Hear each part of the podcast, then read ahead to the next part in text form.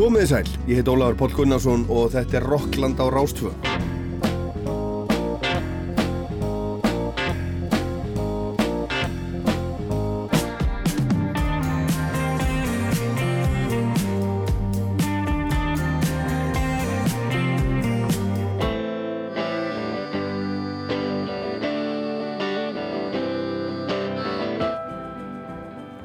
Í þessum þætti í dag eru þrjú máladagskrá. Smári Tarfur sem var einu svonni gítarleikari í Ilju til dæmis og líka í Kvarasi sendi nýlega frá sér fimm mismunandi blöður undir fimm nöfnum í fimm mismunandi tónlistar stílum. Smári segir frá eftir og við heyrum lög af öllum þessum fimm blöðum. Og það erum í dag 8-10 ár frá því að einn áhrifamesti gítarsnillingur sögunar fættist, sjálfur Jimi Hendrix Hann lifði ekki lengi blæsaður, lest 27 ára gammal árið 1970 en heldur betur búin að setja marg sitt á tónlistasöguna og er ennþann dag í dag stjarnar meðal tónlistafólks og tónlistar áhuga, áhuga fólks og, og gítarleikara. Hann var einstakur gítarleikari, snillingur. Kristján Sigur Jónsson, frettamæður með meiru, er gesta umsjónamaður í dag og ræður við Jónatan Garðarsson, Frey Ejjólfsson og Björn Tórótsen gítarleikara um áhrif Jimi Hendrix en fyrst er það Moses Hightower.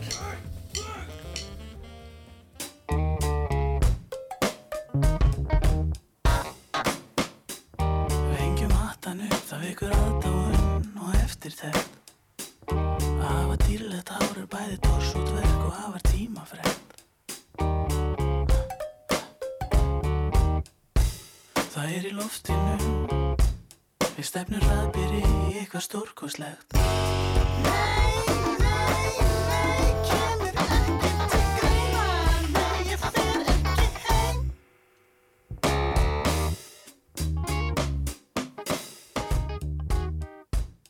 Sumarið 2012 kom út platan Önnur Mósebók með Moses Hightower.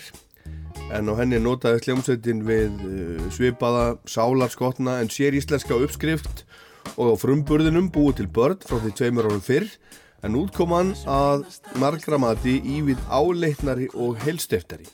Platan fer yfir víðan völl, bæði í tónlist og textum, gamlir hljóðgerðlar koma við sögu, tekið er á funk sprett að hætti James Brown, það má heyra brasilísk og sækadelísk áhrif og söngus útsetningar spanna allan tilfinningaskan. Eins og búin til börn var önnur Mósebók unnin í samstarfi við Magnús Ötter sem hljóðrindaði á segulband og hljóðblandaði af snild. Þetta segir allt saman í fréttatilkynningu frá hljómsveitinni. En platan slói gegn, seldist vel og hlaut allskins velun og viðkenningar. Hún var valinn plata ásins 2012 af fréttablaðinu. Hún komst á krömslistan, fekk menningavelun DFF og hlaut íslensku tónlistavelunin fyrir lagasmíðar og textagerð auk tilnefninga fyrir blötu, lag, söngvara og upptökustjóra ásins. Laugin Stöðskref, Sjáungarsetur og H.A.C. sem greipvæn valdi lag ásins voru öll þaulsetin á eða við toppsæti vinsaldalista en í setni tíð er það ekki síður kaffismellurinn tíu drópar sem að heldur hita á fólki hvort sem er á tónleikum eða á streymisveitum. Og núna um helgina er sveitin að halda upp á tíu ára ammæli blötunar með tónleikum í Norðunljósum í Hörpu í gær og svo græna hattinum á Akureyri í kvöld og þeir eru komnir hinga þeir, þeir Andri og Steini úr Móses velkomnir. Takk fyrir. Og þannig að það sé alveg á hreinu við erum ekkert að plata fólk með, þeim, með það, því að þegar þessi orð eru, eru tölu þá eru uh, báðir tónleikandir í rauninni framöndan eða meiri sé að þrennir. Það eru, það eru tvennir í Norðurljósum í Hörpu Jú, sem, sem voru sem sagt í gær þegar útdorpum þessu. Og svo er það, er það í kvöld á Akureyri, það er þessu sunnudagur í kvöld á græna hattin og, og, og bara núna á, á miðvíkudegi þegar við erum að tala saman er, er, er spenningur í loftinu? talsverður sko. Hérna, já, þetta er hérna Við höfum aldrei aldrei Hljómsveitin hefur aldrei haldið tónleika í hörpu áður svona eigin vegum sko Nei, Þannig að við höfum alltaf verið í einhverjum svona aðeins svona hérna þrengri og sveitar í stöðum sko. Já, hérna, en þannig að þetta er svona já, það verður gaman að sjá hvernig þetta verður sko. Já.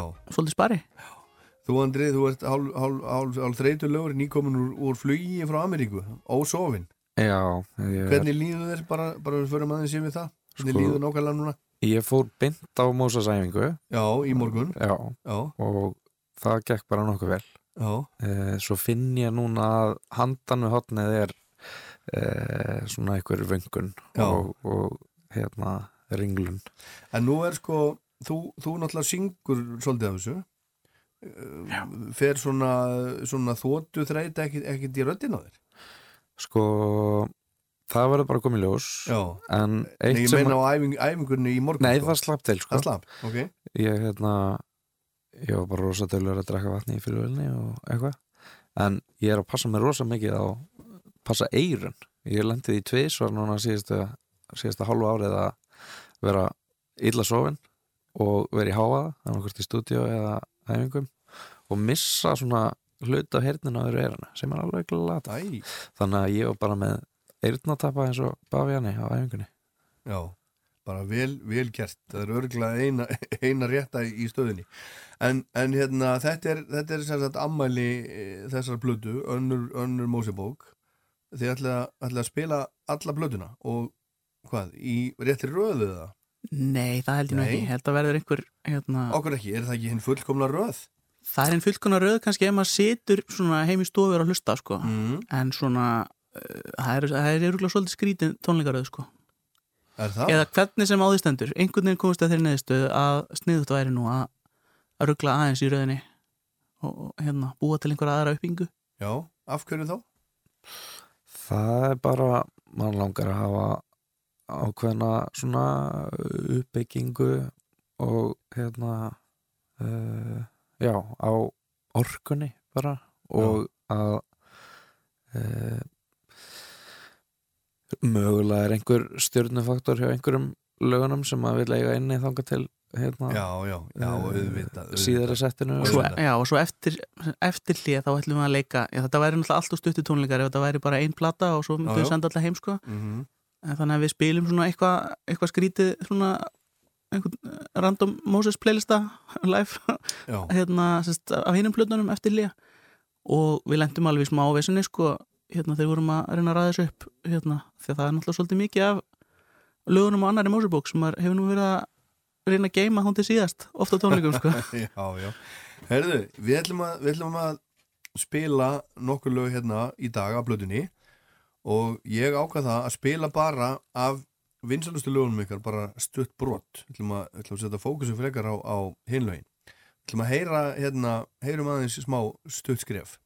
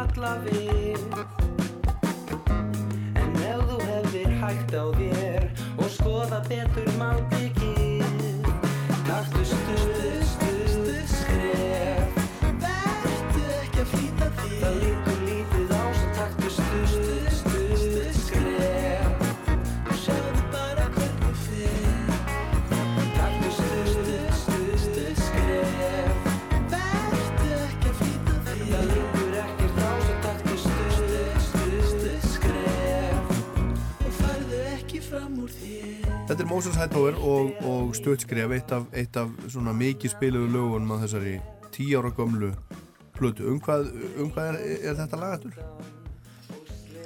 þetta er svona einhver heilræðavísa en við nú talað um að þetta sé svona heilræðavísa fyrir klóstutta bara. Heilrað að vísa fyrir klófstutta? Já, við erum ekkert að Þarf ekki að fara neitt lengra nánur út í það. Það er bara já, þú veist að það sem ég kannski svolítið erinn með að taka að skrifin verði alltaf ekkert stór Nei. þegar maður er hérna við litla leppir nei, þetta er hérna uh, ég held að þetta hafa nú bara farið þannig að þetta hafi bara verið svona einhver við höfum bara verið að syngja svona einhver bull orð hérna yfir yfir viðlega þegar við vorum að reyna að semja það og þá komu þessi tvö orð fyrir aftur og aftur og svo samti Andri einmitt svona raunverulega heilræðvísu í kringum þetta sem sagt, kringum Sem- alkunnu, metnaðarleysi þá ráðlega ég hlu- hlustendum að hérna færast ekki um mikið fang. Já, já hann setur þetta í svona heimsbyggilegra samingi en, já, en, en þetta kannski átti skilið svona þegar frum hugmyndin kom fram. Já. En bandið, það er ekki, það er ekki alveg að sama ekki eins í dag er það og það sem að gerði þessa sko það hefur, það eruðu mannabreitingar hérna hann Danni gítarleikari Já, sem hérna var með á fyrstu þreymur plötunum og, og, og samtið þær með okkur. Hann sem sagt hætti eh, eftir þriði plötuna uh, en hann hins vegar mun spila með okkur nú, nú er það eða hann mun hafa spilað með okkur þegar þetta fyrir loftið Já, hérna. já, já, já, Á já. tónleikunum. Já, já, hann mun hafa spilað með, með ykkur í gær Já. og verður með ykkur í kvöld á Akureyri já, ef ég er að erum að- skinja, skinja einhvern veginn tíman rétt Já, við erum að samhengi. svona aðeins fram og tilbaki í tíma já, það er bara þannig, við erum að spjalla hérna Já. saman á miðvíkudegi það er Já. sem sunnudagur og það er tónleikar á Akureyri já, þannig að allt saman er þetta mjög afstætt Já. en að öllum líkindum er Já. reyndin svo að uh, Danni hefur spilað með okkur a, þann hluta prógransins sem er önnur Mósebók. Já, en hann er ekki komin í hljómsveitin aftur? Nei, það er svona spari. Spari, en hver er aftur að spila með ykkur á gítar? Það er annars spari maður Rökkvaldur Borgþórsson. Já, uh, Samingli meistari. Og mun hann hafa verið með líka? Já, hann, hann mun hafa verið.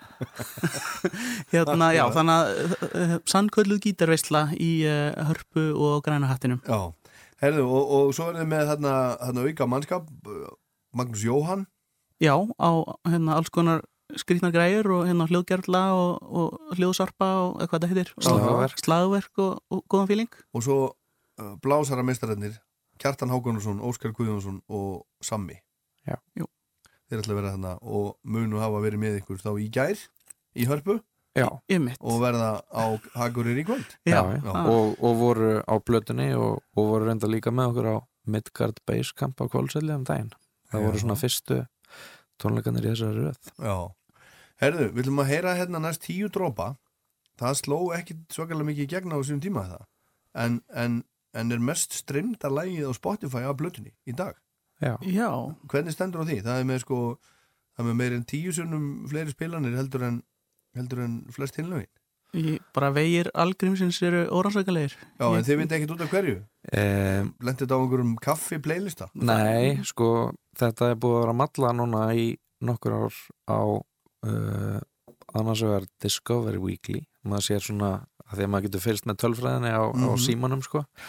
Maður sér svona mánudagstoppa yfirleitt og þá fær, fær fólk nýtt svona Discovery Weekly í hendunar Já, og hins vegar radio þar sem að fer á stað ef að einhver er að spila eitthvað lag og þá velur Spotify hvað er hérna viðjandi í framhaldinu ef maður er ekki velin eitt sjálfur. Já, og þetta hlýtur eiginlega því að hérna e, þetta sé svona e, lítið pyrrandi lag að fólk skipar því ekki. Já, Já. það er gott að eiga svona eitt minnlust lag.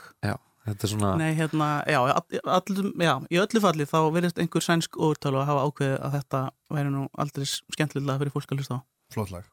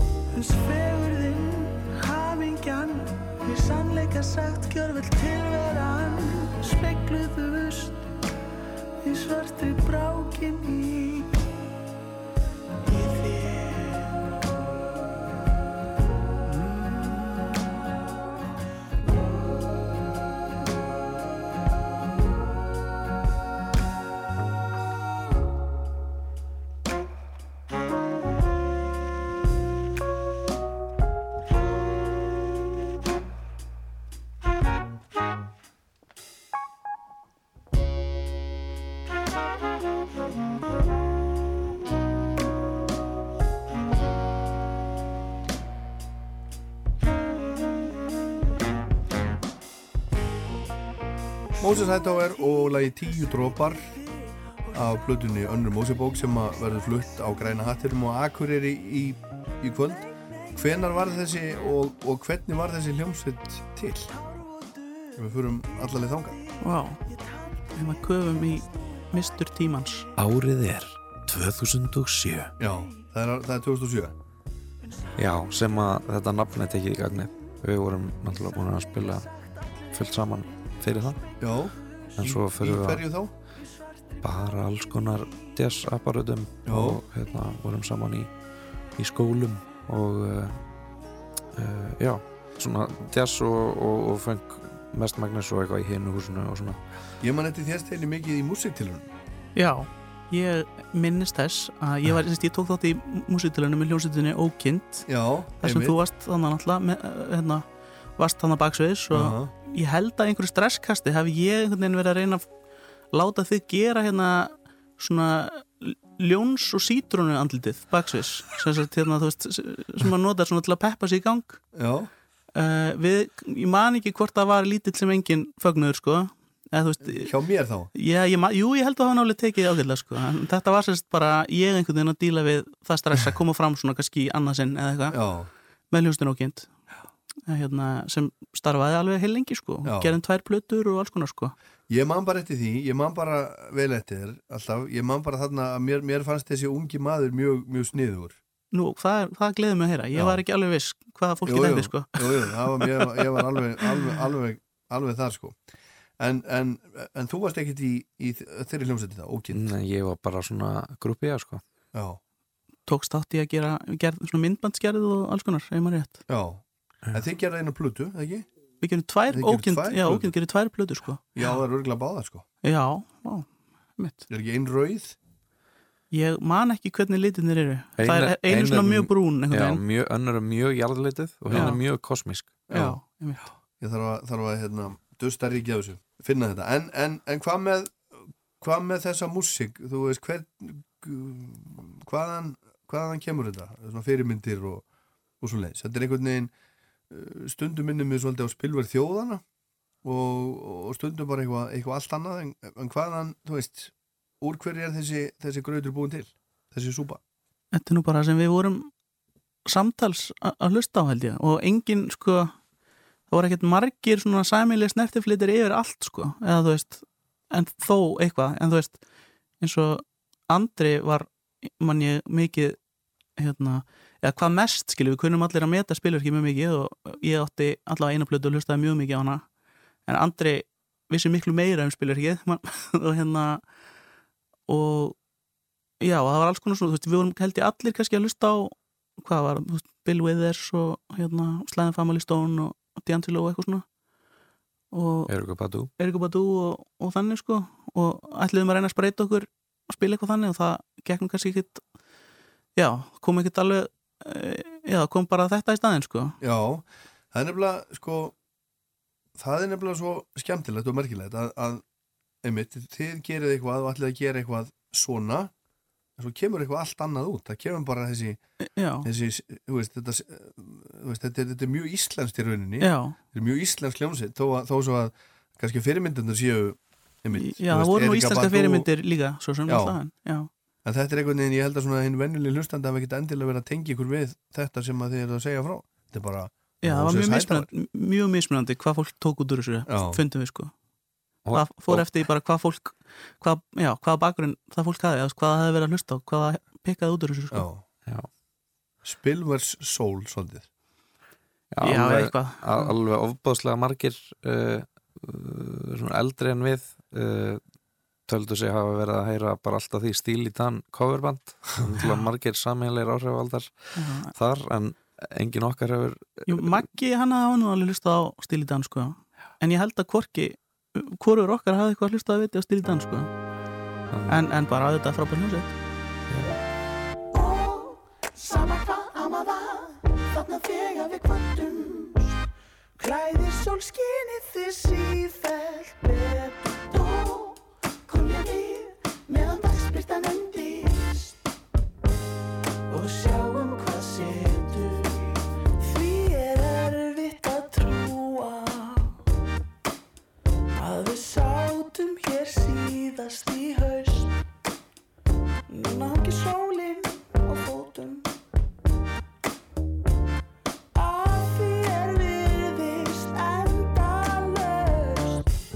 Sólþýstir stúdendar Kapplættir túristar Heilsast á vegi förnum Nýgiftir íspinnar Svitna og örvanda Og etast af þiblum börnum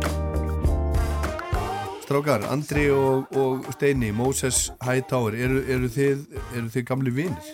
Eða þú veist, eru búin að þekkja sem þið voru tíu ára eða? við erum bæði gamlir og vinir Já. uh, búin að þekkjast síðan í í mennskóla Já. fyrir mennskóla Og þið voruð aftur í, MH að sjálfsög voruð í MH Já, ég man að Andrist við vorum saman í kórnum í MH líka sko. Já, og hérna e- eitt af svona mínum fyrstu svona miklu viðkynum af Andra var hérna þegar hann hafði útsett eða sérst skrifað út einhvern veginn útsetninguna að hérna I Get Around með Beach Boys. Og fluttum í söngkefninu sko og var samt hérna nokkrum öðrum og uh, það söngkefni framhaldsskólana já, þessast MH fórkefnina því. Já, og uh, það, þýttum semst textan og þetta er ótrúlega mentaskólalegt að vera að segja frá þessu sko.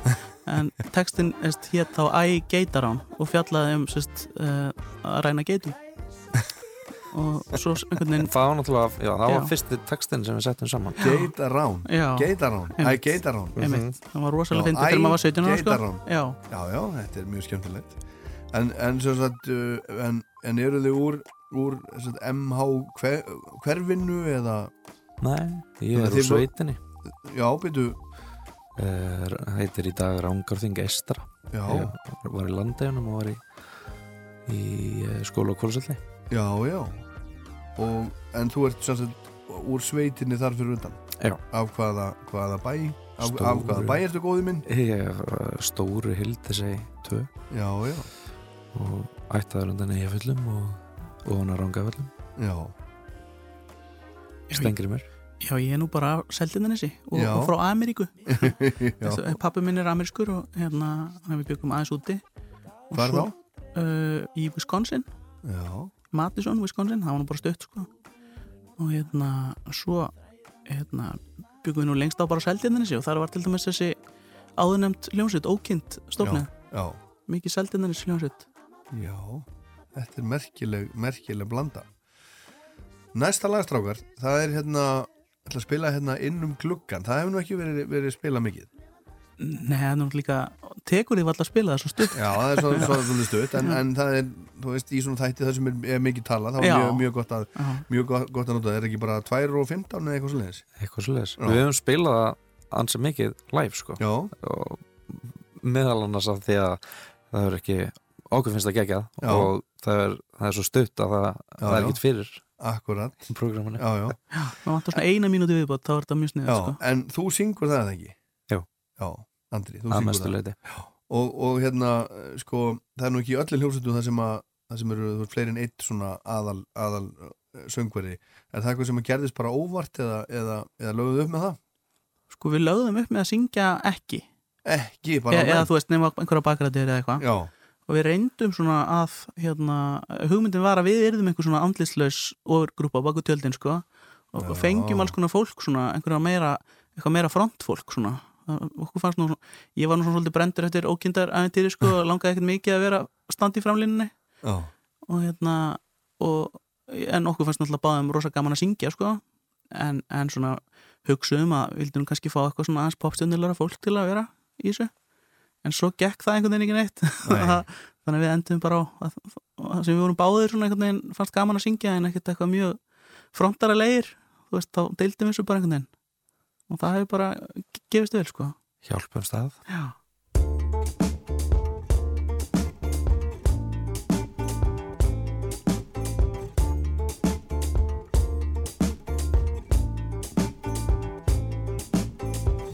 Utan gluggan sundir sóð Götuljósin ís upp næstu þögg Og ekki gott að segja hvort hann hafi vakað heila nótt Eða bara fá einan bertug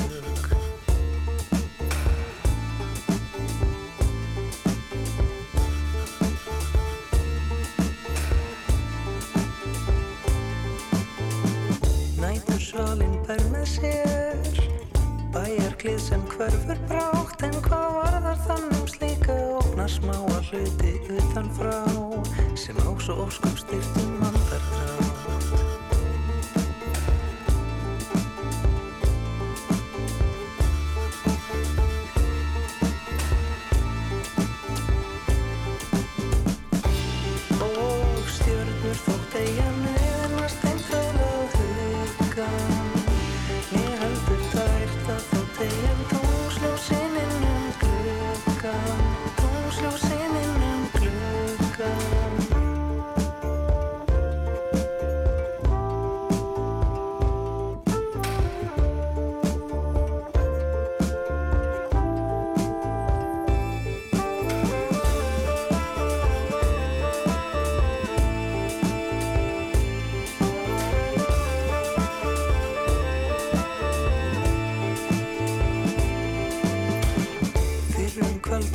höfðu þau. Hugsanað sér eins og áður oft. Að Ekkert geti verkað innvortis Öllu heilnæmar en næturloft Og stjörnur þótt eiga meðnast en að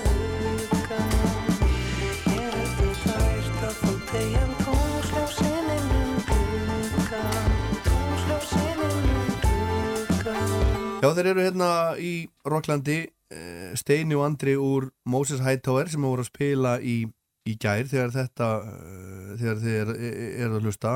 Á tvennum tónleikum í Norðurljósum í Hörpu og svo er það, er það Akkurir í græni hatturinn í kvöld. Hvað er að, er að frétta annars af hljómsveitinni í dag? Það er bara, þið er bara bendið hvora á annan Já, einmitt. Er þetta, er, er þetta erfið spurning? Nei, alls ekki. Það er bara, bara allt gott að frétta. Uh, En það er svolítið svona dreift að frétta. Það er Já. að segja Við erum ekki Við erum ekki húkandi í stúdíu þessa dagana að vinna í Moses plötu heldur meira svona uh, ímsum stúdíu um að vinna í ímsu Já, og hérna, já bara, eins og, eins og hvað? Þið er náttúrulega með, með Magnús Tryggvason Eliasson drómara sem er í annari jú. hann er að spila með öllum með ADHD og er, er hann ennþá, ennþá með Amínu Uh, já, á og til uh, Já. þegar, þegar þau, þau gera eitthvað. Já. og uh, já, hann er búinn að vera alls konar uh, dúo verkefnum með Tum Átnasinni og, og ég veit ekki hverjum að hverjum. Já, og þú Steini, þú náttúrulega hefur, hefur verið að spila mikið með Of, of Monsters and Men Jú, Er- svona í li- live hljónstinni og Já, svona já, einhvern plötum túra og með þannig. þeim um allan heim. Já, það svona það, voru einhverjar Moses-plötur þar sem maður var mikið að senda einhverja svona skrít, einhver skrítin demo yfir interneti þú veist, og einhverjum fyrðulegum bakaribyggjum og svona hótelherbyggjum og, og rútum og þannig. Uh, svo náttúrulega uh, gaf ég út svona jazzplötu síðasta sumar með söngunni Silvi Þorðardóttur mhm, og það hefur svona uh, undið eitthvað upp á sig. Og svo var náttúrulega uppáhellingarnir, svona verkefnið sem Andri heldur utanum. Já, þar sem er allir sem syngja í Moses sem sagt eru uppáhallingarnir sem, syngja svona uh, í þéttarata söng, svona klósarmoni Já, byrju það eru þið, þið tveir? Og Röggvaldur Já, og svo á plötunni er, já, og bara yfirleitt erum við svona meira og minna með uh, Siggu Torlasíus já, líka að syngja og Ég Hemstokk að spila. spilaði ykkur um daginn og ég líkt ykkur við lumbutnar, heyrðu þið það? Já, við heyrum það. Já, Já, heyrði og það. bara það var ekkert úr lausulufti grifið sko. Nei, ég bara Það er bara gaman. Já, einmitt Þegar að já. segja það. Svona svolítið svi, svipa konsept, já, þannig lagað. Já er, það er plata sem með lögum hérna, Jónasar og Jóns Múla. Já, hérna, uh, sem er þá bara já, hún er komin á vínil og væntanlega, væntanlega á, í, í stafrana verildina já. Mm Hittu þið þá einhvern tímann? Nei, ég gerist ekki svo frægur Nei, Nei, ég stöðu svarið Já. En við höfum uh, Já, á þakkalista plötunar hérna uh, meðal annara sko Óskar Guðjóns og, og Eithor Gunnars Mm uh, sem að um, lifðu, lifðu mikið með og, Jú, jú. og, og unnu uh, þannig að maður svona um, manni finnst maður pínu kannast við Jón Múla eða þú veist, Jú, jú. ma- maður hérna, Og hann var náttúrulega hérna, hérna í þessu húsi og ég, ég vann til dæmis oft með honum þegar ég var, þegar ég var ungur tæknimaður hér. Já, og hann er bara, ég hef stundu sagt það hann og Neil Young eru tveir mestu töffara sem ég veit, Já. það er bara svo leis Frá, frábær náungi. Og, og ég menna Jónas ná, ná, náttúrulega líka. En nógu það, hérna e, þessar, þessar plötur sem, sem er að taka upp er hvað, cirka við förum örstuti við það þessi stúdíó sem er að taka upp. Sko, já, þessi plata upp á hallingana uh, við tókum hana upp að mestu leiti í hljóðurita í Hafnafyrði og, og svo uh, að hluta til svona uh, ekki heimilisleinaður en svona í einn stúdíum og sama gildinu svolítið um Steina og Silvu. Já, já, sem var nú bara svona jazz svona standardaplata hérna, sem heitir More Than You Know. Og maður hafði nú lært að spila eitthvað svona jazz í skóla eða reynda en aldrei verið litið á sig beint sem eitthvað jazz spilara sko, þannig að það var svona fyrsta sinn sem ég reyndi eitthvað að gera svo leis já. Þannig að það var rosa spennu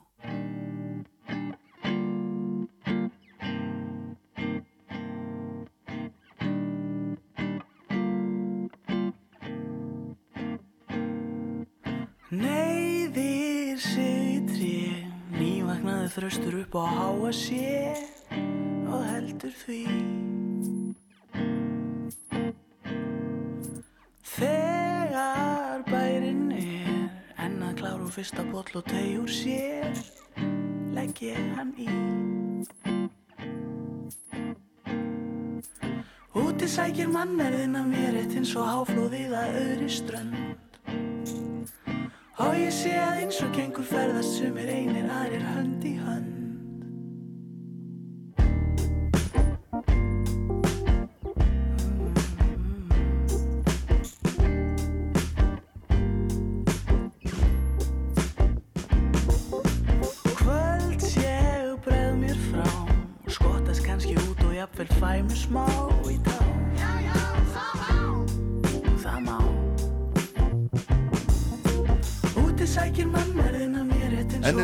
af, af, af plötunni annari Mósebók með uh, ekki of Monkeys and Men heldur, heldur Moses Hightower H.S.I. heitir þetta. Þegar maður, þegar maður skoða plötuna á Spotify þá búið að hlusta á flest lögin svona 100.000 sinn sem er bara rosa mikið. Já, það er. Og sem að, sko, þegar maður horfður horfa á þetta þá að já, það búið, að- að láta plötuna rúlla svona 100.000 sinn það er bara ansi gott, það er eins og að eins og að, eins og að sko 10.000 hafi keft hann á vínil og spilað hana 10 sinn ekki satt? Væntanlega. Eitthvað Þetta er- frekar hátala. Já, og hérna, já, þetta er, þetta er ansi mikið og hún, e, e, eða, þú veist, það, það er svo mörg lög sem er með svona cirka 100.000 og svo er eitt sem er, kom, sem er þarna uh, þarna tíu drópar sem er með uh, 1 miljón og 600.000 eitthvað mm. Það er miklu meira en svona yfir, yfir, yfir alla plötunir er þetta svona 100.000 og hún rúla vel, ég hlusta á hana ég hlu- hlusta á hana núna áður en við hittust svona þrísvar og hérna rúlar mjög vel og, og sándar alveg hrikalega vel, þetta er allt eitthvað svo, þetta er svo eitthvað svona opið og, og tært og skýrt Já, við vorum náttúrulega bara svo hefnir að hérna, vinna með honum Magnúsi Ötter hérna, sem stjórnaði upptökunum uh, að miklu leiti og mixa hana. Og hérna og ég bæði mikill svona uh, græju kall sko og mikið af svona hliðrænum gömlum svona einhverjum fortgripum sem er hægt að spila á. Mhm. og hérna og er líka bara ekki bara græju kall heldur bara svona listamæður og svona hæfileg blanda af þessu tvennu og hérna hann sérst gerði fyrstu tvær plötuna með okkur. Og hérna og það bara, þetta var svona fallegt samstarf einhvern veginn. Og á, já, hann á náttúrulega rosa mikið í þessu samtíða sem, hérna, sem fyrstu tveimum plötum sko, mótaði þær heil mikið sko. Mhm. á þessari uh, það er að segja annari Mosebók þá um, er alveg stór hluti af því sem þú lýsir sem er skýru Já, þetta er bara svona skýrt og tært og Einmitt. flott og það er sko um, það er ekki síst tilkomið að því að hann tók þetta upp uh, gegnum teip, unnum plötuna í tölvunni en, en, en í upptökunum sjálfum að þá hérna, fór þetta inn á segulband og, og þaðan inn í tölvuna og það fylgur í sér að, að snúa alls konar tökum áður en maður ítir á, á Aha. upptöku og hérna, finna vel ákveða alls konar Já, og, og það er líka felur í sér áhættu því að ef maður tekur þá einhverja ranga ákvörðun um hvernig maður vinnur þetta í gegnum segulbandið þá situr maður uppi með þær ákvarðanir jú, jú. og getur, það er svona takmark hvað, hvað maður getur nutað þetta tilbaka þá Já, já. þannig að það var smá stress eða við vorum kannski ekki stressaðir en, en við vissum alveg að þetta væri að við værum að fara að gera þetta ekki veist, og treystum honum bara og hann bara gerði þetta og þetta var geggjað já. og, og það að svona það að láta mælana þetta passlega mikið í raut stundum og, og hérna uh, gera þetta svolítið uh, old school að Já. það uh, þó að það sé tæknilega sé sko bjögun og, og svona uh, einhvers konar tæknilegir vankantar tækninar Aha. eða þess að teipsins og því að þá samt býr það til þessa svona uh, hvað segir maður? Ah, Intimate. Nám Já, mikla nám Já, nánd í já, og svona eitthvað sem maður upp, upplifir sem lifandi og, og skýrt og, og byggð sko. Ég held að þetta sé oft reynd þú veist, uh, og fara ekkert alltaf svona vel. Þegar það, það sem er verið að reyna að nota segulband og reyna að nota, þú veist, bjaga segulbandi á einhvern svona fallegan og góðan hátt. En sem betur fyrir fyrir okkur þá var Magnús ansið góður í þessu og vissi Hann hvað er- hann var að gera. Hann er góður í þessu. Já. Þetta er mjög flott og hljómar alveg ótrúlega vel þessi plata. Ég ætla bara að ykkur til hennar þó að sé orðin 10 ára gömul. Og óska ykkur góðar skemmtunar. Það er miðvöggundagur þegar við tölum saman en það er sunnudagur þegar þetta fyrir loftið. Og þeir eru á Akureyri í kvöld á græna hatturum ég ætla að óska ykkur góðar skemmtunar á Akureyri. Takk fyrir, Takk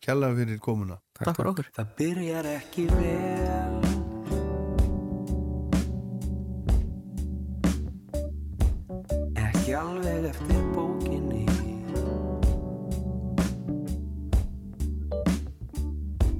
Það byrjar ekki vel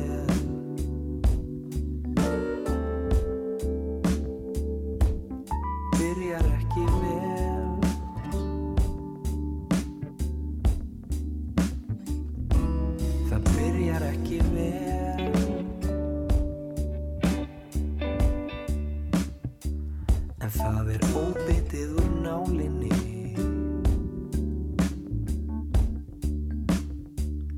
Og ég hef fulla trú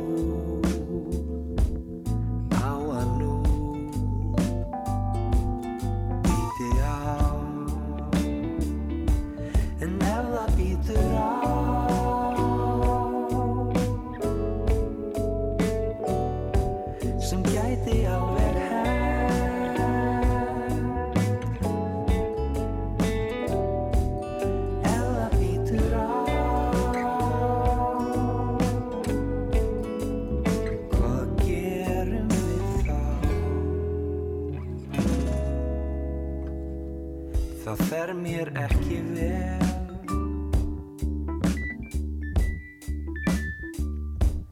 Að farast svona úr áhyggjum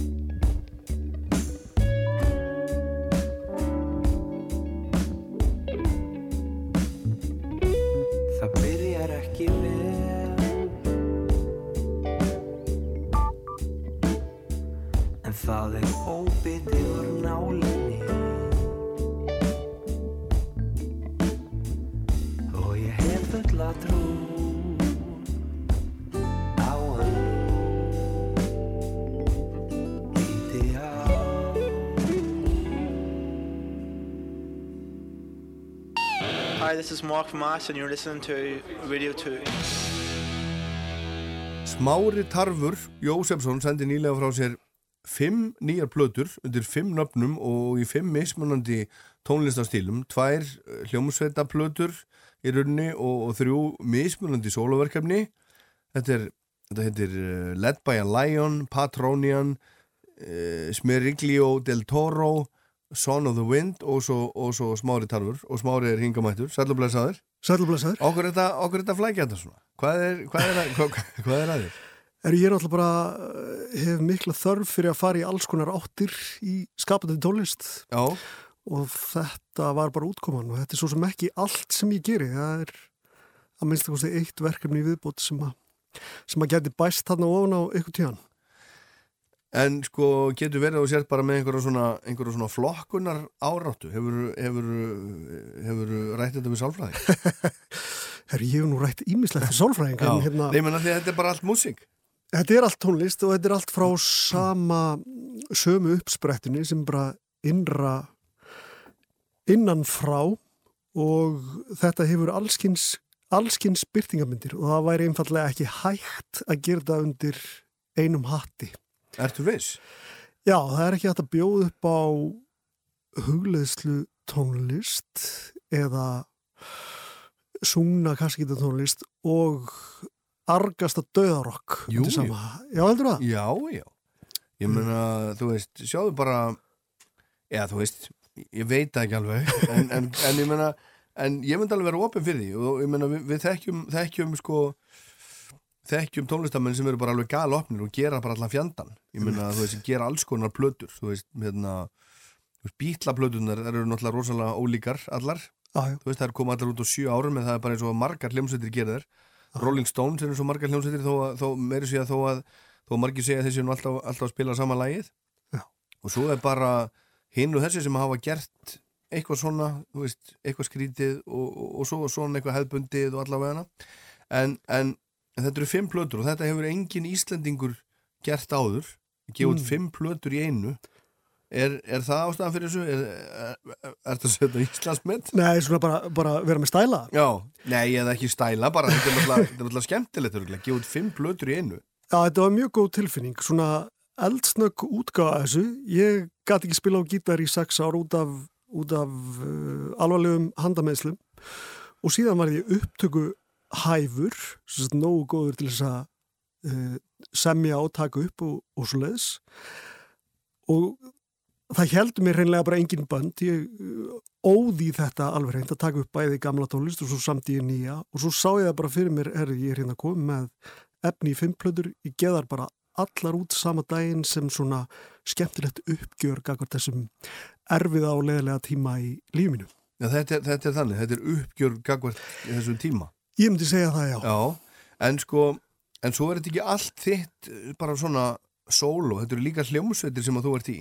Einmitt. Er þetta ekkert, er þetta ekkert svona egocentrist að vera svona, nú er, nú er ég, nú ætla ég að gera þetta, fimm plötur og þið bara verðið meðstráka mínir, er það ekki? Herru, þetta eru svo sem, þetta eru, það má svo sem segja að þetta sé tölvert byggt að mér hann þessar, þessar tvær hljónsittir, sko. Uh, en við ákvaðum bara í rauninni að, að gera þetta svona. Já, allir, allir, allir til í þetta. Já. Herðu, við ætlum að heyra, heyra brota þessu öllu hjá þér. Já. Við ætlum að byrja á, á Led by a Lion. Við höfum nú heyrt aðeins í þeim hérna, við höfum nú aðeins spilað þá hérna rástöðu. Það er plata sem heitir Umbarasa. Já. Hvað þýðir Umbarasatur? fyrir það hitti nú þannig að ég og Bræi söngari, Bræi Eiríkur Jóhansson, við unnum saman á leikskóla og þá voru við alltaf að syngja, syngja þetta fyrir krakkana, sko. Þannig að það lág beinast við að færa þetta yfir í rockið. Já, Umbarasa rock. Já. Herðu, og þannig eru með þeir Maggi Mag. Maggi Maggi er á trómum. Arþór, Arþór Ágússon er á bassa uh, og svo hinn stórkuslegi Bræi Eiríkur Jóhansson sem að syngur Já. og við höfum svona leikið okkur af og á í ykkur ár en það var sérstaklega skemmtilegt að íta þessu úr vör loksins heitli plötu. Skulum heyra hérna The Way It Is, Be At Ease. Já. Og hvað er verið að fjalla um þarna? Herðu, þetta er, uh, hvað ég að segja, svona einhvers konar lofgjörð til lífsins enda, enda kýlir bræði söngvari á mikla, mikla lofgjörðar takta hana undir, undir lok lagsins. Mjög skemmtilegt.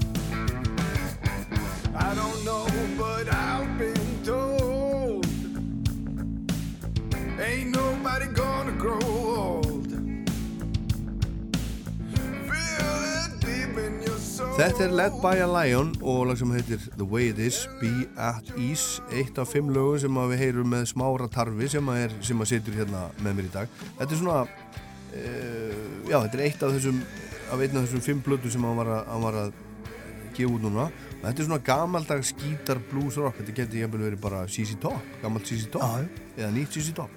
Það bara gleður mig að heyra þá samlíkingu, sko. já, En það eru við að upplægi miklir svona blues rock menn. Allir sem einn. í, Í þessari hljómsveit. og þú ert mikill ACDC maður líka. Það er ekkit ACDC rock hérna. Jú, við laumuðumst til þess að gera eitt þannig lag, sko. og það er nú fyrir tilstöðlan Braga. Hann, hann, hann skammaði mig fyrir að vera alltaf að gera lítið úr nýju ACDC efni og mér bara hunskast heim með gítarinn og, og semja eitt ACDC lag. Já, ég er alveg, ég, þú er, þú, þú er, þú þessi sem að, þú ert með ACDC tattoo þegar Jú, það stemmir. Og þú ert búin að fara á elda ACDC út um allt og Angus Young búin að skrifa og gítar fyrir þig og þú ert bara ACDC maður. Já, já. en þú hefur verið að bara drulla yfir nýja ACDC blöðunum hvað er að þér? Það er nú kannski ágætað að fylgja sögunni að við gerum þetta í, í, í hlaðarpstætti sem heitir alltaf sama platan Jú, félagi minn, það er mitt reynum við að rýna til gags. Já, en ég er bara mjög lítið hrifin af þegar sálinn fór hljónstinni sem Malcolm Young já, já. Já, Já, en ég meina, þú veist, þetta er bara lífið, fólk eldist og allavega hana. Ég var að hlusta til þess að nýju plötunars Neil Young, hann er nú 77 ára og sögumir segja að ég er á svona Neil Young hóp. Og fólk segir bara, æ, come on, er þetta nú ekki bara orðið fínt? En ég bara, ég hlusta á hana, bara hlusta á hana tvisar og ég hugsa bara, bara, ég fíla þetta. Mér finnst þetta gott, mér finnst bara gaman og gott að fólk skuli bara halda áfram og gera bara það sem að því sýnist. Nóg um það. Já, einmitt, nóg um það. Heyrum meiri smára tarfi hérna rétt á eftir. Þetta er Dóttar Gunni, Rockland, engin sípilja, bara gott rock og roll. gott að fólk skuli bara halda áfram og gera bara það sem að því sýnist nóg um það, næsta plata það er allt öðruvísi allt öðruvísi músík og ég ákvaða að velja hérna næst Smeriglio del Toro já, já, já, já. hvað hvað er, að, hvað er að gerast þar? Sko þarna fættist einhvers konar svona flamengo-plata reynlega og reyndar sko ef ég færi til til spánar og myndi kalla þetta flamengo Já, þá yrði ég notaður í nautaðat já, löðurungaður bara, Já, og, og, og, já. bara hendi í, í ringin Já, sem á nú vel við að því ég heiti náttúrulega Tarfur. Aha, en sko já, þetta er eitthvað í þá áttina. Eitthvað svona eitthvað melodísk, rhythmísk tónlist spiluð á klassískan kassagítar já og ég ákvaða að velja hérna lag sem heitir The Lady of Dagur Já, hvað er, er það? herðu, það er hérna Er þetta, er þetta nafni dagur eða er þetta, er þetta, er þetta eh, Lady dagsins? herðu, þetta vá, þetta getur haft allskins menningar en, en þetta er reynilega bara til engað tja konur sem skiptum í máli. Já, þaðan kemur þessi titill. Um, þótti að eiga vel við þetta svona einhvern veginn svona dansvæna dansvæna instrumental lag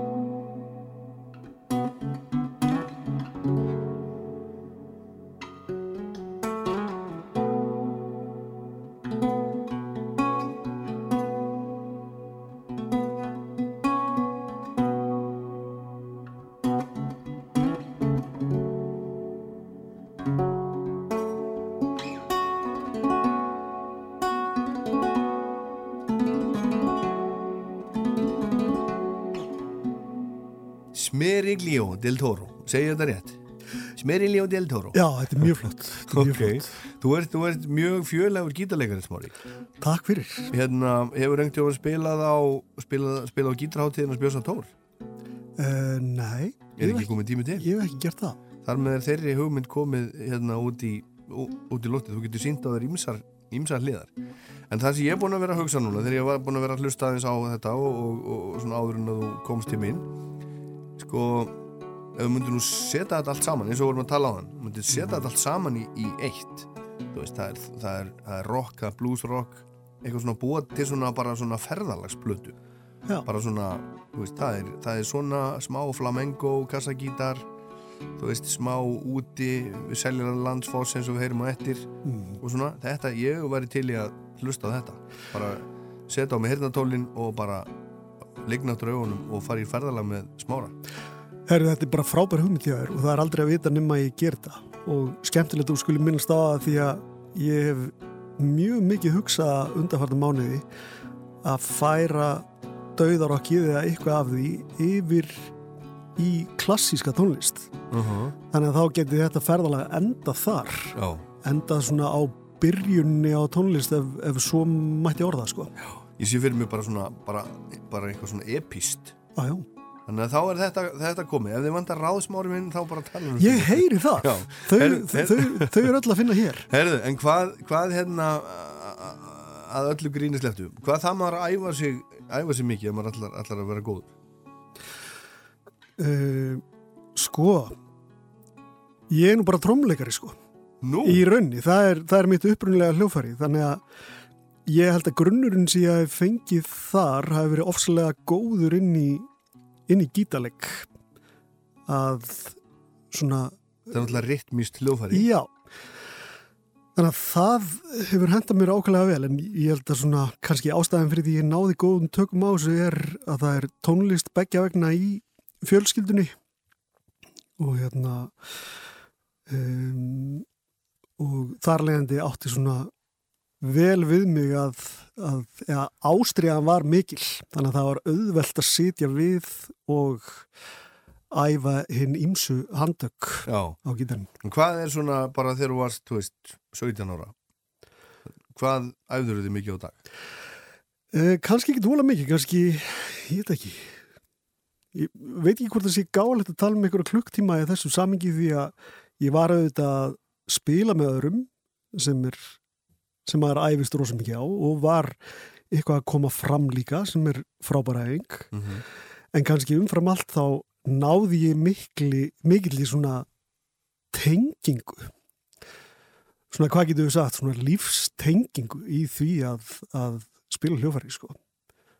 Þannig að það er það er kannski mikilvægast í þessu öllu að, að, að líða vel í því sem maður gerir. Þá er eftirleikurinn eftirleikurinn öðlur Þetta er svo heimsbyggilegt Herðu, ná, nú er það hérna, hérna döðarokk, vestfjörða döðarokk Patrónian Patrónian já, já, og þú segir hérna þetta þýðir verndari. Mm e, minnir mig jafnvel eitthvað á eitthvað úr Harry Potter. Patrónium eitthvað. En, en uh, þú segir að þetta þýðir raun Patricksfyrðingur Já, fyrir, fyrir, fyrir mér og okkur hljónstinni þá þýr þetta patrisringur og þú ert Patricksfyrðingur Já, og þið allir í þessar hljómsveit? Það stemmir.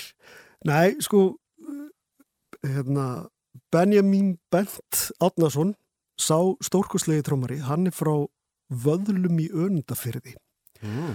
og þess vegna þótti okkur nú upplagt að kalla þetta vestfjarða döðarokk en svo voru bassleikarinn sjálft að fá að afhjúpa sig.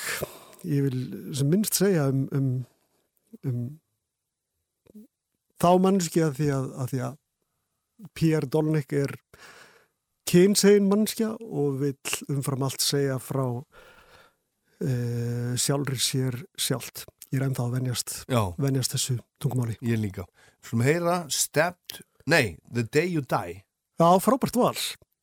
Skemmtilegt lag.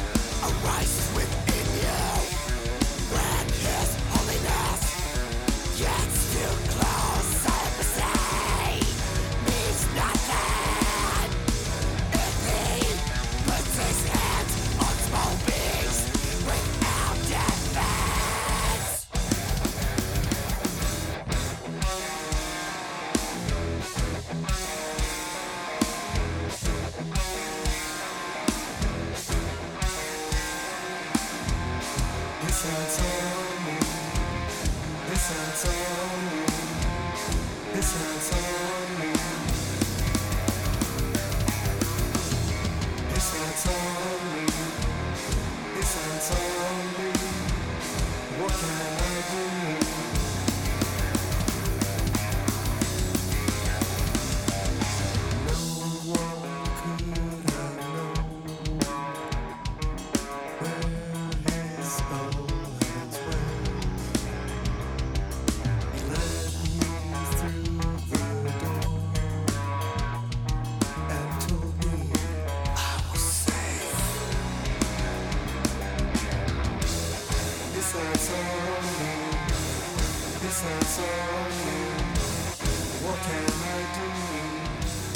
Þetta er ansi, ansi hressandi. Patronian Vestfjörða döðarokk The Day You Die.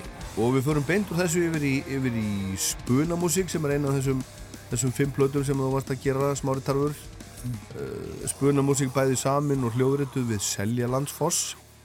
Þar svi- situr smári og leikur að fingurum fram í spunaflæði á sumrin. Já. Og það er það sem þú er búin að vera að gera undanfærin ár. Þú situr þar.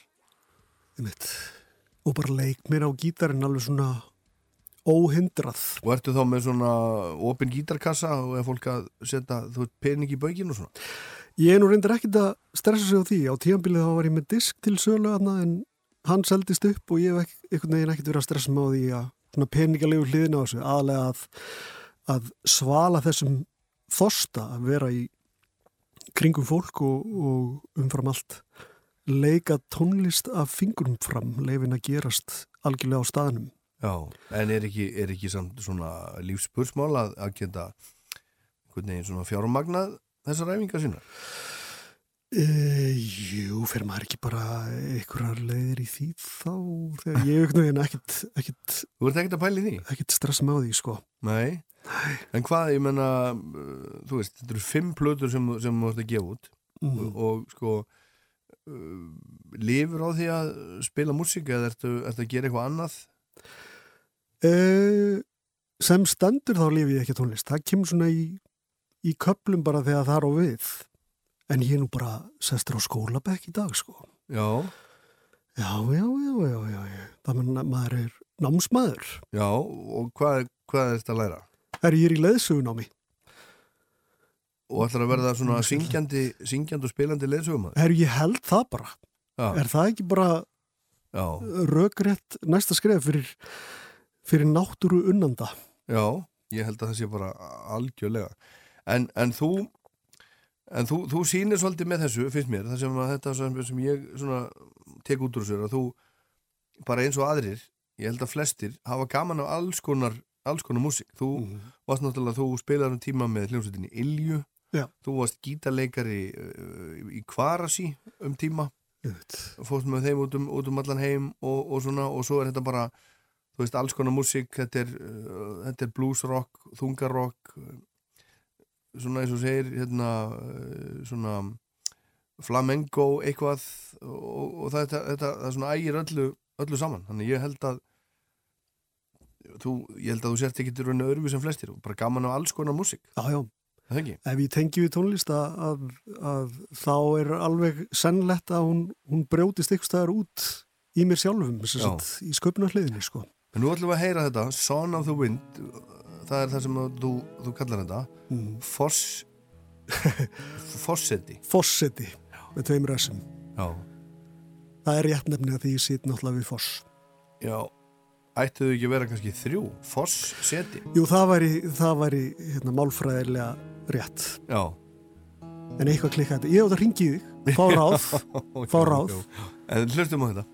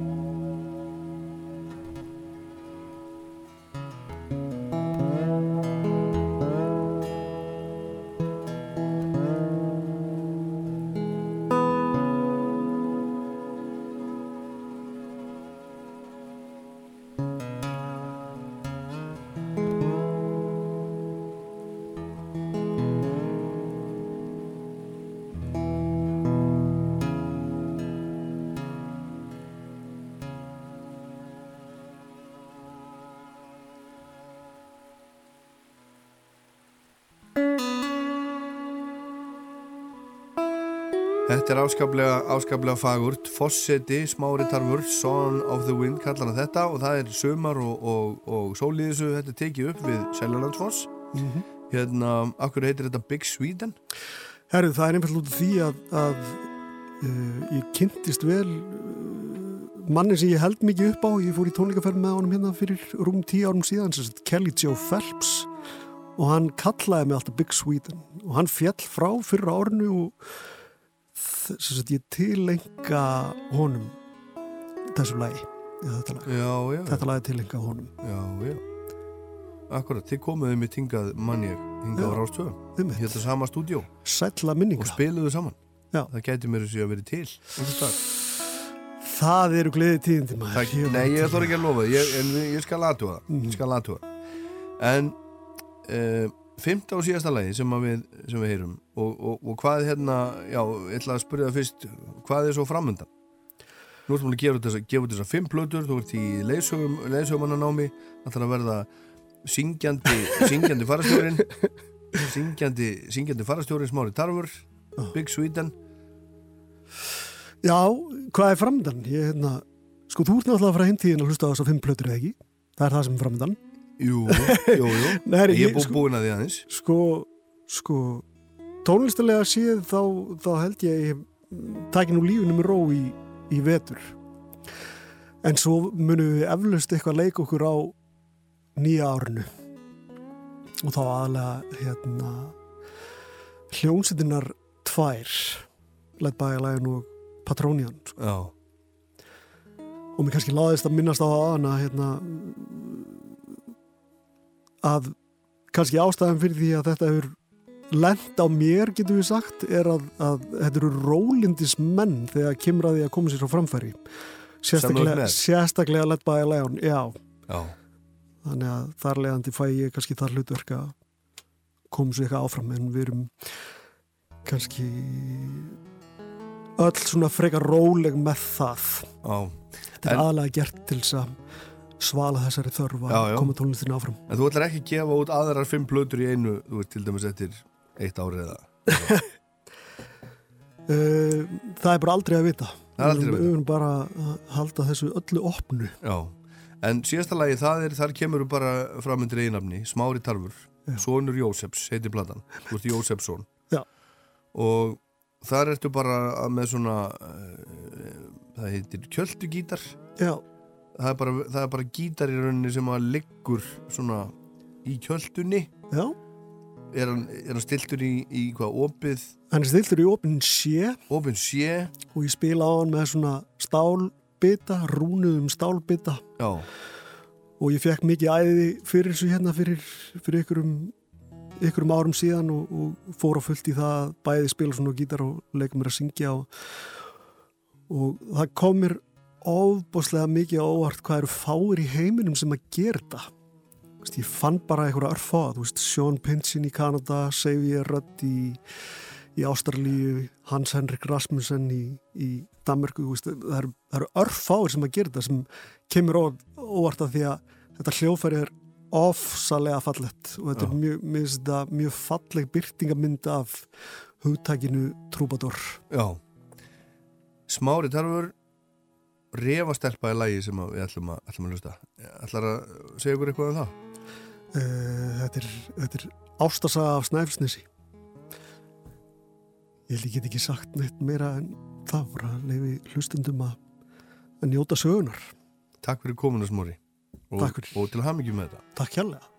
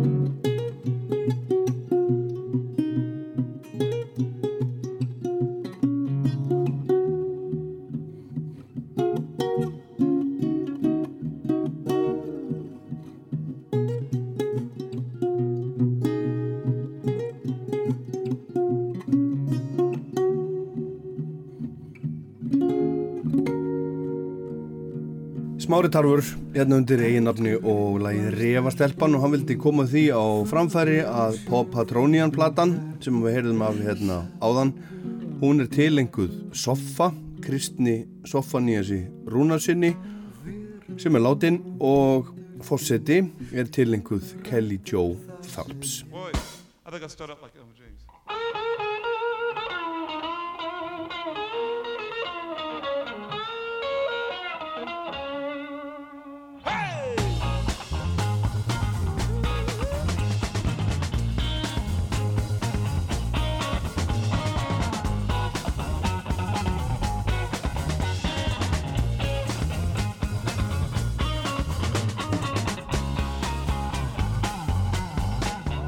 Áttatíu ár eru í dag liðin frá því að einn áhrifamesti og besti gítarsnillingur rocksins og bara tónlistarsögunar fættist.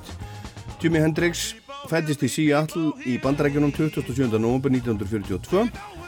Fræðar fyrir Hendrix stóði rauninni bara yfir í fjögur ár frá haustmánuðum 1966 þar til hann lést 18. september 1970 hans 27 ára gamall en þetta voru árin þar sem að rockið í rauninni breytist og í rauninni byltist og Jimi Hendrix átti ekki minnstan þátt í því.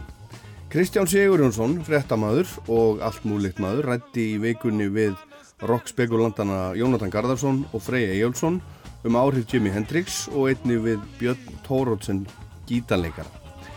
En frá 1962 til 65-6 spilaði Jimi Hendrix á gítar í hljómsveitum þekktra rock- og sálasöngvara eins og Little Richard, Curtis Knight og, og Isley Brothers.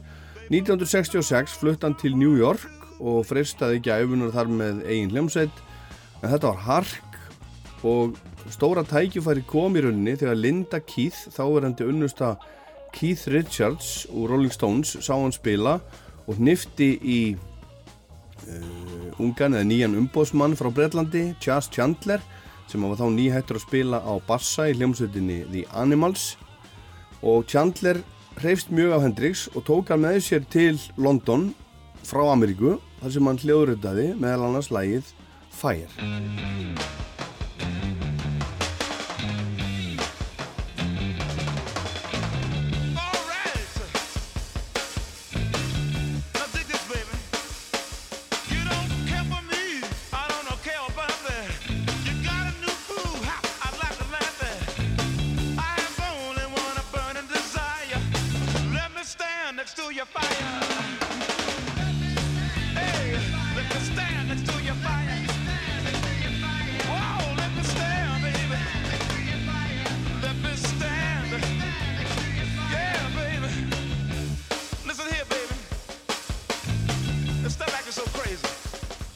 þeir sem að svona búa til uh, leið Hendrix inn í bransan á sínum eigin fórsendum og það er þessi Charles Chandler sem að lætur hann stitta nafni sitt úr James í Jimmy og fer með hann til Breitlands setur saman band þar það er Noah Redding sem er gítarleikari til að spila bassa með honum og Mitch Mitchell sem er jazztrómuleikari til að fara að spila rock. Og úr þessu verður þetta svona kraftmikla tríó Hendrix eh, sér Pete Townsend sér að hann er að nota allan að græjur hann er að nota feedback úr háturunum hann er með vá á petala og hann horfir líka á Erik Clapton sem er að leika sem er vá á petalan Fuzzbox, svona ímsa svona græjur til þess að búa til skrítin hljóð. Og svo fer hann bara að spinna eins og að sér jazzari sem að var ekki mikið gert á þessum tíma í rockinu. Reynda voru krím að gera eitthvað svipað. En, en hann eiginlega á stóra þátt í því að, að svona opna rockið eða poppið úr þessu, þessu svona þryggja hljóma, tveggja hálsmínutna löngu lögum yfir að verða bara sko 20-30 minna lög bara eftir hvað gítasólaðum voru löngu eða hvað langt eða hvað menn voru bara að leifa sér að gera En Jimi Hendrix lær í gegn í Bretlandi, Just Chandler fer með hann yfir til Bretlands. Átti Jimi Hendrix aldrei möguleika í bandaríkjum? Ég held að hann hafa aldrei átt möguleika að verða stjarnar þar því að hann er fyrst og fremst undirleikari. Hann er að spila með þekktum tónlistamönnum sem eru þegar búin að skapa nafn. Hann spilar Hey Joe í klubbi sem hann er að spila í í Greenwich Village. Það er það sem Charles Chandler heillast af. Hún finnst eftir lag sem er þá þegar komið út með öðrum listamönnum og hún finnst hann vera að gera eitthvað skítið og skemmtilegt við það. Og fer með hann til Breitlands og setur saman þetta, þessa hljómsveit með honum og þeir fara í stúdíu og taka upp þetta lag. Lægi það fyrir inn á lista í Breitlandi hann fyrir Top of the Pops og Ready Steady Go. Og hittir þá Erik Clapton og, og fleiri poppara. Spilar á tónleiku þar sem allir þessi tektustu eru. Það eru til dæmis uh, Paul McCartney og Lennon og Harrison og, og all, allir þessir og, og Stónsararnir og margir margir fleiri. Og hann er einhvern veginn nær góðu sambandi við þá. Og hann finnur að hann er, hún er með tekið eins og hann sé hvítur. Það er ekkert verið að spáði hvort hann er svartur eða hvítur. Og hann finnur strax til öryggis fyrir að semja sjálfur Purple Haze og Windcrash Mary og fleiri lög. Gerir síðan uh, þessa fyrstu blötu með The Experience. Og þá einhvern veginn er hann komin uh, inn á markaðin í Breitlandi og í Evrópu. Og svo fer hann til Bandaríkjana og spilar á Monterey festivalinu þar. Og spilar á eftir Who sem eru með alveg svakalit svo brjóta gítarana og ég veit ekki hvað og hvað. Og hann sér að það eina sem hann getur gert þess að sko, sko ná meiri aðtekli bara kveikja í gítarnum. Hann hafði gert það á tónleikum í Bretlandi og hann gera það þarna og það verður til þess að hann verður frægur, það er strákur sem stendur mitt fyrir hann sviði og tekur þessa frægu mynda hann sem er að kveiki í gítarnum og svo mynd fyrir út um allt. Þannig að þannig verður hann frægur í bandaríkjunum sem gæði sem kveikti í gítarnum ekki sem tónlistamæður endilega svo náttúrulega bara vext það hægt og rólega. Eh, og svo náttúrulega þegar hann kemur fram á, á Woodstock og, og spilar eh, þjóðsöngin spilar Star Spangled Banner, þjóðsöng bandaríkjana á þann hátt að, að það náttúrulega aldrei annað eins gest að þá er hann orðin heimsfrægur í raun og veru. Og Woodstock myndin er það sem að gerir Jimi Hendrix að alheim stjörnu en áhrif hans eru stórkostleg. Hann hefur áhrif á alla hann á örgulega stóran þátt í því að þungar okkur verið til og gítarheitunar sko verða svona svakalegar eins og urðu. Og enn þann dag í dag eru menn að horfa til Jimi Hendrix og reyna sko átt að sögðu hvað var það, hvernig gerði hann þetta? Af hverju var hann svona góður? Og af hverju var hann svona góður? hann var alltaf rosalega fingralipur, hann var mjög hugmyndaríkur. Hann spilaði, hann var örfendur og spilaði öðru svo gítar en en aðri gerðu. Og hann var virðist vera algjörlega óhrættur við að gera bara allt sem hann dætt í hug. Hann var ekkert að pæla í markaðnum af því að hann, hann, hafði ekki neina að tapa í raun og veru. Hann hafði allt að græða. Og ég held að, að þarna sko kemur saman ímislegt hann er á réttum tíma. Jazzin er að fara yfir í rafmagnið. Poppið er að stækka og breyka Það er mikil deigla þarna. Já, konceptblöðnar eru komnar, bítlarnir með Sgt. Peppers, hann tók þetta alltaf Sgt. Peppers blöðuna og spilaði hana live á tónleikum þar sem að bítlarnir voru og bara horfði á hann og bara, hvað er gæðin að gera? Hann er algjörlega óhrættur og hömluleysi hann hefur örgulega verið með einhvers konar greiningar en ég held að þetta sé það sem að gera hann svona stórkostlegan hann er bara réttum aðra, réttum staður, réttum tíma og hann fær öll tækifæri sem að hægt er að fá og nýtir þau í botn. Það tala allir um hann sem mjög góðan mann og, og svona hann hafi verið eh, badgóður, hann hafi, hann hafi komið vel fram við fólk, kurteis, hann alltaf kemur úr mjög brott, brotin í fjölskyldu, pappans var óbældismæður og þau skildu mammas og pappi þegar hann var nýjára. Hann átti eitt bróður sem volst upp með honum, hann átti þrjú yngri sískinni sem voru öll uh, gefin í fóstur og hann hefur öll alltaf sér að verða betri manneskja heldur en pappans. Og það, það, er alltaf sögur sem segja að hann hefur verið góð manneskja. En hann hefur öll átt við sína já, sín vandamál að stríða sína djöfla að draga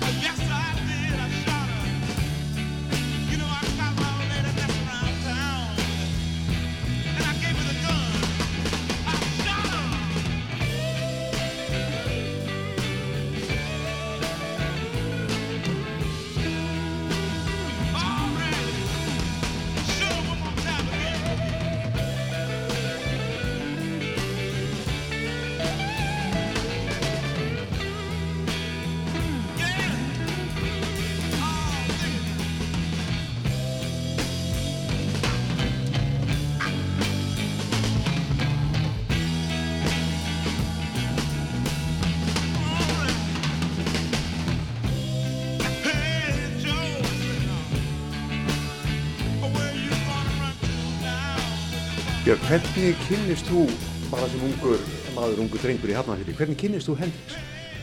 Það fyrsta sem ég veit af Hendrix er að þegar ég var svona smá polli hérna í Hafnarfjörði líklegast kringur svona tíu ára aldur það var lítil sjoppa sem var niður í bæ sem var kallið Dóra sjoppa og það var djúbox í henni á þessum tíma var ekki til plötuspilari heima þannig að ég hafði já, ábyggla stólið túkall frá mömmu úr veskinu hennar og fer og set í þetta því mér fannst þetta mjög spennandi það tók plötunar út, setti niður og spilaði. Og ég ítti bara á eitthvað. Og það er það fyrsta sem ég heyri frá Hendrix. Ég var alveg fyrir algjöru svona hugljómun. Mér finnst þetta rosalega flott. Ég vissi ekki hvað það var, ég hefði enga forsöndu til að vita hvað væri gott eða hvað væri vond í þessu. Mér fannst þetta bara æðislega flott ég vissi ekki hvernig maður liti út eða hvernig gítar hann spilaði á eða engan skapan hlut þannig að ég fór nokkru sinnum með túkallinn niður í djúkboxið að þetta var töluverð vegalengt að lappa að heiman frá holskotinu niður í bæ og sett í og hlustaði og svo hljóp ég heim og reyndi að herma eftir en það gekk nú afskaplega illa. Og ég líka ekki örgulega 10-15 ferðir sem ég man alveg eftir þetta var Hey Joe, þetta var í fyrsta skipti sem ég heyrði lægið Hey Joe. Og svo varð ég eldri, varð ég miklu eldri, var ég 11 ára ábygglega þannig að ég fór aðeins að fykta meira í gítar og svona og þannig að þá fór ég að vita hver Hendrix, hver þessi maður var. Ég var fyrir algjöru hugljómun bara frá fyrsta tóni. Og ég veit ekki hvað það var af hverju, var það röddinans var það gítarleikurinn, var það lægið ég skildi ekki enskuna, ég vissi ekki um hvað textin var Hvað er svona sérstakt við hljóðfærarleik Jimi Hendrix? Sko, það er oft erfitt að svona skýra snildina en það er eitthvað. Ég svona gegnum árin þá finnst mér til dæmis ríktmaleikurinn hjá honum. Hann er langt á undan sinu tíma og hann hefur eitthvað ægivald yfir ríktmanum. Menn hlusta ekki neitt rosalega þegar menn eru ungir, gítarleikarar eða þegar fólk er að hlusta þá hlustar ekki svo mikið á ritman sem menn er að spila meira á sólóin og segja þetta er æðislegt sóló og segja menn. En maður fyrir að hlusta grænt á Jimmy þá er hans ritmanleikur hann er bara svo flottur og hann er svo melodískur einhvern veginn og einhvern veginn taktvis og fer líka allt aðra slóðir en aðrir. Og það er stundum sem við erum að tala saman gítarleikara þá hérna og hvernig, hvernig ætti maður að spila þetta? Maður tekur bara Hendrix á þetta sko og þá er það ákveðin bara ákveðin sko stíl á ritmaleik að spila Hendrix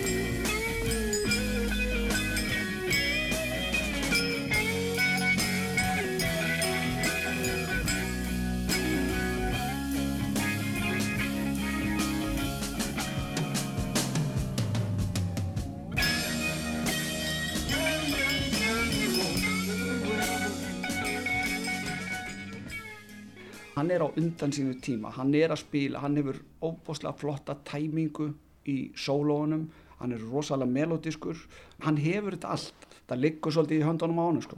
hann er örfendur og sný strengjónum rétt þannig að ástáturinn verður öðruvísi. Hann verður svolítið öðruvísi en hjá réttendum gítarleikara og þá verður hljómurinn, sándið verður aðeins öðruvísi og það hjálpar honum alveg gríðarlega. Hann er náttúrulega réttum aður og réttum tíma og þetta hjálpar honum alveg tvímalust og svo er þetta náttúrulega líka æðislega flott lúk að vera svona flinkur og vera örfendur. Svo ég tala ekki um klæðna en út af því að Hendrix var alltaf, þið sjáuð aldrei mynd á honum nema hann sé í einhverjum rosalega flottum skærum búningum. Það er allt hann vissi alveg nákvæmlega hvert hann var að fara Hversu mikil áhrif hefur hann haft á þinn gítarleik? mjög mikinn, mjög mikinn sérstaklega til að byrja með ég fer reynda svolítið út í svo aðra greinst sem er jazz en alveg sérstaklega þegar ég er að byrja þá hefur hann hann og, og Erik Clapton þeir hafa gríðalega mikil áhrif á maður leit á þessa gaura og maður horfði á þá og reynda að gera eins og þeir Er þetta að segja að Jimi Hendrix hefði verið svo besti og sé svo besti? Það er hins vegar að það er engin bestur í gítarleika eða listum eða neinu svoleiðis. Það er eins og bara gítarleikar sem ég tala við í dag. Þú hefur alltaf eitthvað aðeins meira fram að færa í þessu heldur en hann og vice versa sko. Sko það er ekki bestur. Það er ekki hægt að vera bestur.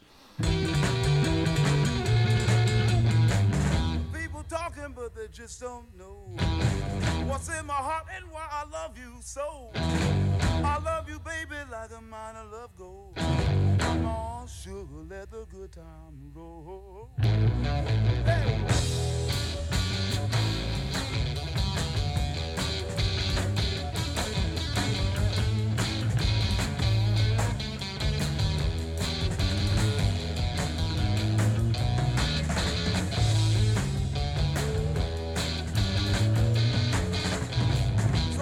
People live and make believe. They keep a lot of dirt up their sleeve. But my love, baby, isn't the kind that fools. Come on, baby, let the good times roll. Let the good times roll. Oh, baby. Come on and let that through your soul.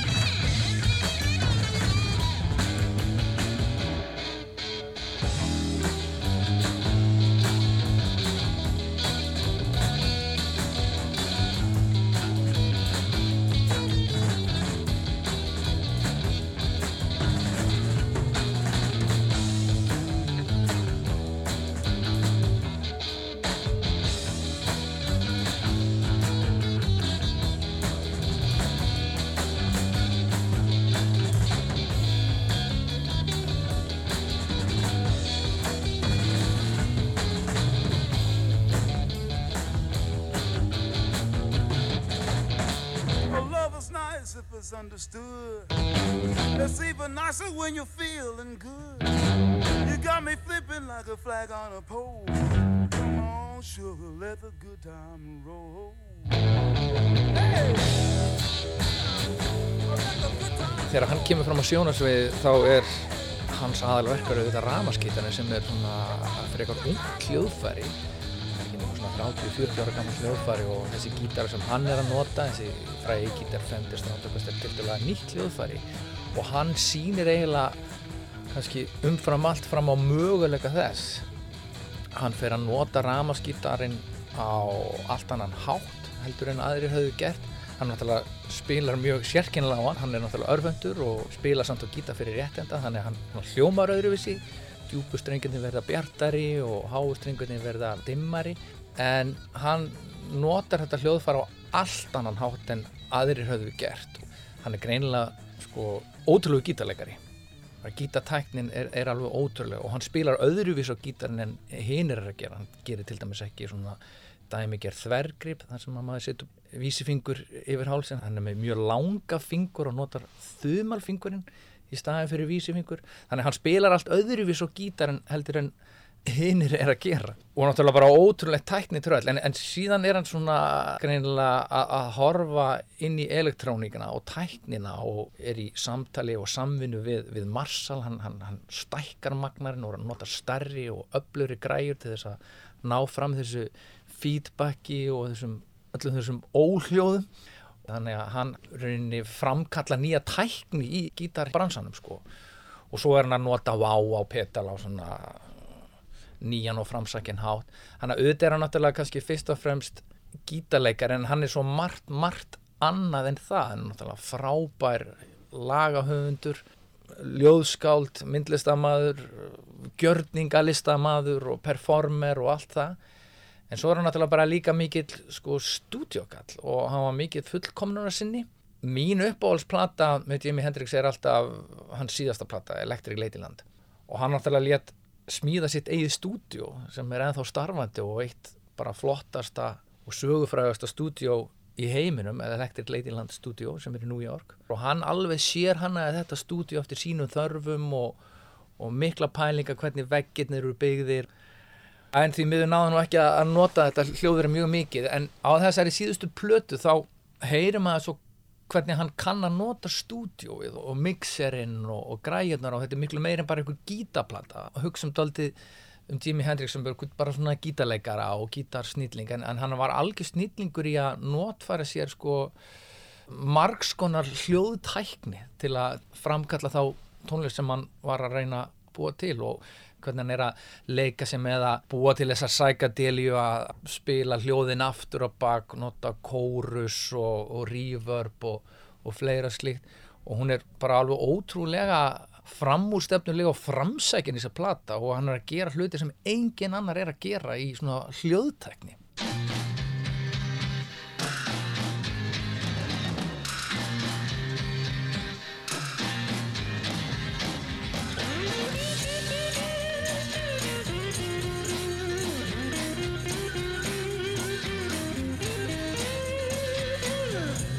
must be some kind of way out of here.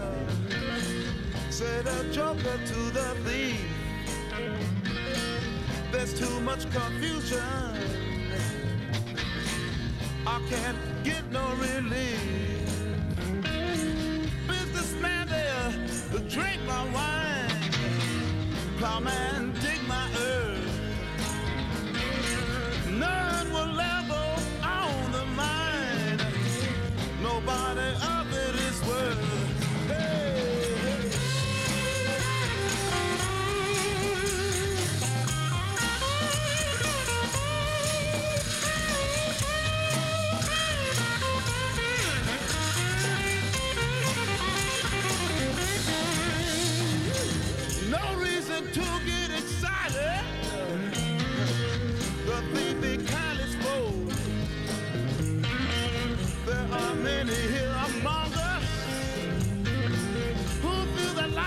but a joke.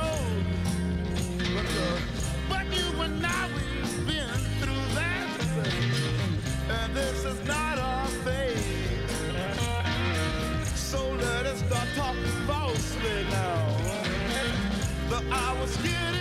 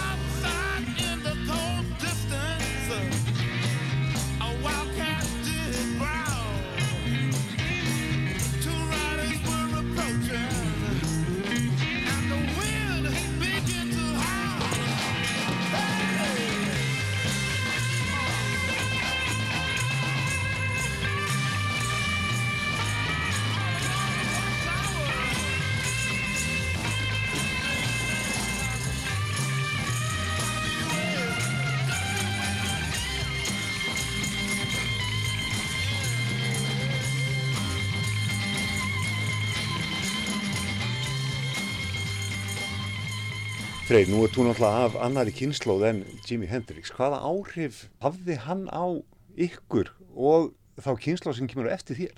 Já, þetta var svona tónlistamæður sem að mamma mín hlustaði á, þannig að þetta var ósjálfrátt pínu púku og þegar ég er rúlingur. En þess að plötu voru til á mínu heimili og þetta er bara svo mögnu tónlist að þú getur ekkert verið með svona stæla. en ég held sko þegar ég er svona ungu maður þá er að það er svona postmodern tími þannig að það er verið að spóla svolítið tilbaka og skoða hvað var áhugavert og flott. Og hann augláslega með þessa psychedelia sem kom svolítið inn í minn tíma og þetta dansrock og þetta gítarrock sem var í gangi þá, hann er svona gítarleikari sem hefur áhrif á alla gítarleikara. Hann gerir svo margt á þessum stutta tíma sem hann starfaði eiginlega allur rafma skítaleikur eftir hann er bara svona einhver undumálsteksti og það hefði verið svo geggjað að sjá hann gera meiri tónlist hann náttúrulega deyr 27 ára gamall þetta er svo stuttu tími sem hann er að eiginlega bara breyta öllu rocksögunni, gítarsögunni og bara mörgu mörg öðru á svona ótrúlega stuttum tíma. En umfram allt bara hvernig hann tekur þetta unga hljóðfæri, ramaskítarinn og sýnir fram á möguleika þess og það, þetta byrtist kannski einna helst í einhverjum geggjaðasta gjörningi rocksuguna sem er flutningur hans á bandariska þjóðsögnum á Woodstock-háttíðinni. Þetta er eitthvað miklu meira en bara einhver tónlistaflutningur, þetta er svona gjörningur. Þannig að tekur hann ramaskítarinn og stillir hann í botn og spila bandariska þjóðsöngin og þarna brýst fram ástand þjóðar.